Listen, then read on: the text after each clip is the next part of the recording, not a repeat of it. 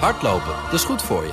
En Nationale Nederlanden helpt je daar graag bij. Bijvoorbeeld met onze digitale NN Running Coach... die antwoord geeft op al je hardloopvragen. Dus, kom ook in beweging. Onze support heb je.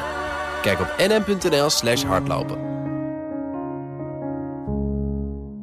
Dan gaan we meteen naar onze man in de Oekraïne. Uh, Oost-Europa-correspondent Floris Akkerman. Die reist vandaag naar Gerson. Gisteren werd het land, uh, Oekraïne dus zelf, door allerlei raketten aangevallen. Floris, goedemorgen. Dag Bas. Maar allereerst het nieuws uit Polen, hè, waar twee raketten zouden zijn neergedaald.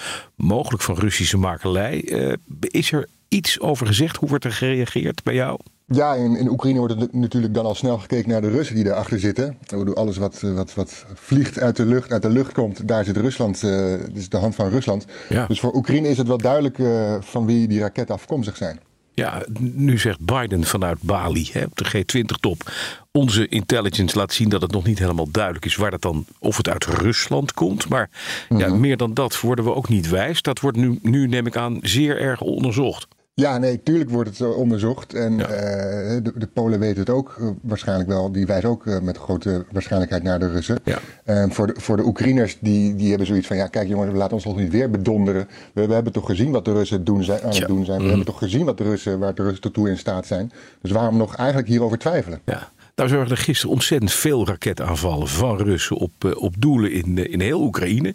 Uh, ook in Kiviri, waar jij volgens mij bent, nu nog steeds, klopt dat?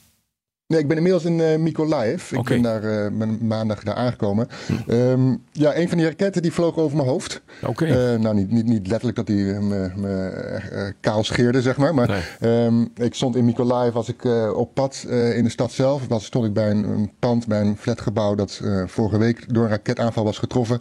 En dan stond ik daar op, op een binnenplaats en toen hoorde je opeens een geluid, een scherend geluid, een piepend geluid. En toen keek je naar boven en je zag niks, maar je hoorde inderdaad dat dat een raket was. Hm. En waarvan je dan weet op dat moment dat hij dus uh, uh, ergens gaat landen. Hm. En dan later hoor je dat het een van de raketten is, die, uh, een van de honderd raketten is die gisteren Oekraïne trof. Ja, een van de Russische raketten. Tja. Hoe, hoe is het daar nu? Hoe is de sfeer? Nou, Mykolaiv, ik was daar afgelopen zomer. daar was het heel bedrukt toen. Was, was, was, de stad was heel erg leeg verlaten. En toen stonden de Russen nog eigenlijk toch heel dichtbij, binnen, binnen artilleriebereik. Um, je zag ook de spanning op de gezichten van de mensen. Uh, ze waren, weinig, waren niet echt uh, aansprekelijk. Uh, je kon moeilijk met ze praten. Ze, ze hielden je af als journalist, waren wantrouwig. En nu zie je dat zo'n stad als die Russen zijn verdreven en steeds verder weg van Mykolaiv zijn geraakt. En nu dus zelfs ook uit Kherson zijn verdreven.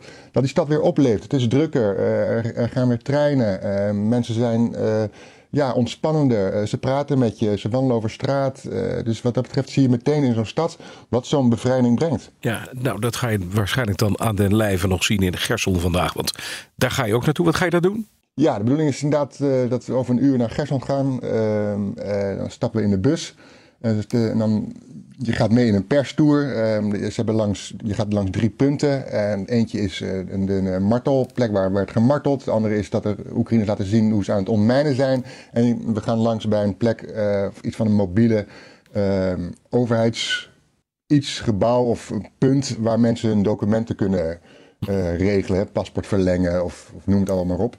En natuurlijk hoop ik ook dat ik gewoon met, uh, met burgers kan praten hoe het eigenlijk die, uh, ja, onder, die, uh, onder de Russen was, die ja. acht maanden. Hoe, dat, hoe die Russische bezetting, hoe zij het hebben ervaren en beleefd. Ja. En ook natuurlijk hoe die stad zelf erbij ligt. In hoeverre is die helemaal aan puin geschoten of niet. Het schijnt niet min, minder te zijn als bijvoorbeeld in Kharkiv of in Izum in het oosten.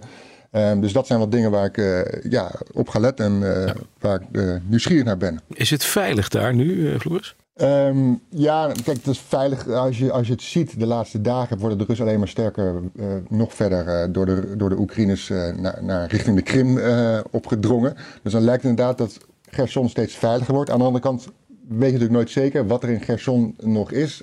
Je moet ook niks aanraken. gewoon goed opletten waar je loopt. niks van de grond pakken. Um, wat daar ligt nog aan booby traps, aan mijnen, je weet het niet. Dus uh, wat dat betreft uh, moet je op je hoede zijn. Ja. En er blijft natuurlijk altijd gevaar dat de raketten uh, neerdalen, Russische raketten. net zoals dat je het in de rest van Oekraïne ook kan hebben. Hardlopen, dat is goed voor je. En Nationale Nederlanden helpt je daar graag bij. Bijvoorbeeld met onze digitale NN Running Coach... die antwoord geeft op al je hardloopvragen. Dus, kom ook in beweging. Onze support heb je. Kijk op nn.nl slash hardlopen.